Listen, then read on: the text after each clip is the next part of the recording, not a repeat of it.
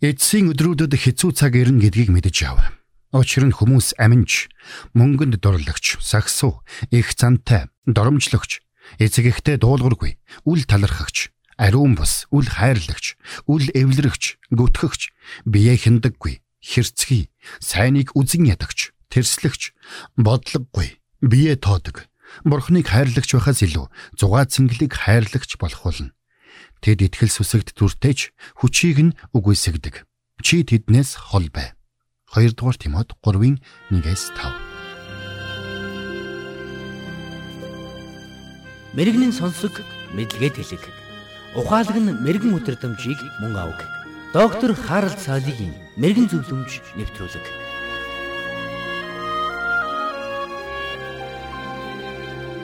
Хүүхдүүд томчуудтай адил шалтгаанаар худлаа ярьдаг. Ингэхдээ тэд бусдын хүндэтгэлийг хүлээх гэж эсвэл байгаагаасаа илүү дээр харагдах гэж худлаа ярьдаг. Мөн зарим тохиолдолд тэд цаад хүндээ үннээ хэлэх хэмжээнд итгэж чадахгүй байгаа учраас худлаа ярьдаг. Бас зарим тохиолдолд айж сүрцэндээ худлаа ярьдаг. Харамсалтай нь эцэг эхчүүд өөрсдөө ч мэдлэггүйгээр хүүхдүүдэд худлаа ярихыг зааж өгч байдаг. Тэгсэн атлаа хүүхдүүдэд худлаа ярьлаа гэж шийдэгдэг. Тэгвэл бид Хүүхдүүдэд худлаа ярих бос. Харин үнэн чудраг зан чанарыг чухалчилдаг хүмүүс болгон хүмүүжүүлэхийн тулд яах ёстой вэ? Би та бүхэнд дараах дөрвөн зөвлөмжийг өгмөр байна. Зөвлөмж 1. Шудраг байдлыг өөрөө үлгэрэл. Худал хэлдэг хүүхдүүд ихэвчлэн худал хэлдэг эцэг ихтэй байдаг. Учир нь хүүхдүүд тэдний үлгэр жишээг маш хурдан дагдаг. Аав нь зурагтай үзээд сууж байхад ээж нь утсаар нөхрөө гэртээ байхгүй байна гэж худлаа хэлхийг хүүхдүүд сонсч байдаг. Таныг хэрхэн шалтак тоочж байгааг чинь. Замын цагдаад хэрхэн хурд хэтрүүлээгүй хэмээн худлаа ярьж байгааг чинь. Татврын байцаагчийг хэрхэн молигдож, татвраа баг төлснөө гайхуулан ярьж байгааг чинь тэд харж байдаг гэдгийг та санаарай.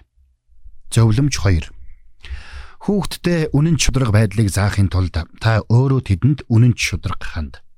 Учир нь хэрвээ та өөрөө тэдэнд үнэн чудраг хандж чадахгүй бол тэднийг танд үнэн чудраг хандна гэж хүлээлтгүй юм.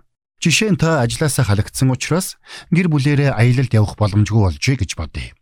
Тэгээд та хүүхдээ санаан зовчихно гэж бодоод үннээ хэлэхгүй байхаар шийдсэн байж болно. Гэвч үнэн хэрэгтэй хүүхэд чинь таны мэдэрч байгаа таагүй байдлыг анзаарах болно. Тэдний хувьд таны тавгүй тодорхойгүй байдал нь бодит байдлыг мэдснээс илүү төвөгтэй байх болно. Өөр нэгэн жишээ. Хүүхдүүдийн чинь эмээ биеийн огцсон муудаад эмнэлэгт хэвтжээ гэж бодъё. Та хүүхдүүдийнхээ санааг нь зовоочих байх гэд тодорхой зүйл хэлэхгүй байж болно. Гэвч үнэн дээр ийм зовлонтой таагүй нөхцөл байдал нь хүүхдүүдэд бурханд итгэж найдахыг заах онцгой боломж байдаг гэдгийг та бүү мартаарай. Зөвлөмж 3 хүүхдтэй худлаа ярих боломжийг бүү олго. Эсвэргээр үннээ хэлэхэд хялбар нөхцөл байдлыг бүрдүүл. Жишээ нь та хүүхдтэй гэрийнхэн урдах гудамжнаас холдож болохгүй гэж сануулжээ. Гэтэл хүүхэд чинь таны үгэнд ороогүй байж. Энэ тохиолдолд чи энэ гудамжнаас холдсон уу гэж бүү асуу. Үүний оронд чи ягаад эндээс холдож тэр гудамж руу явсан бэ гэж асуу. Тэгвэл хүүхэд чинь үйлдэлээ үүсгэхийн оронд тухайн үйлдэлийг хийх болсон шалтгаанаа тайлбарлах болно. Өөр нэгэн жишээ.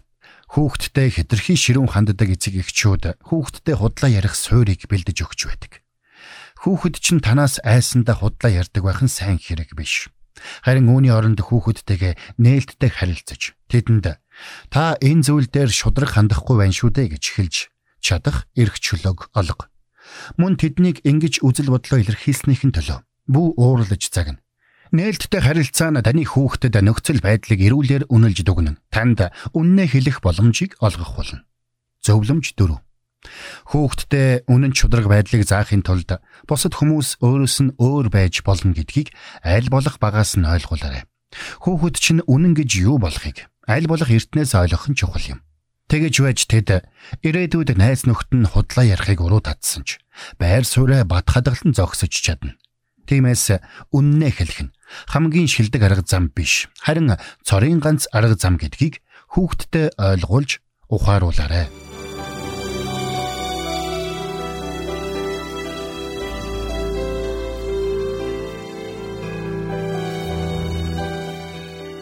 Мэргэн нэгнийг дагуул мэргэн мулгуутай нөхөрлөл хорлол. Доктор Харалт цайлигийн мэрэгэн зөвлөмж нэвтрүүлэг танд хүрэлээ.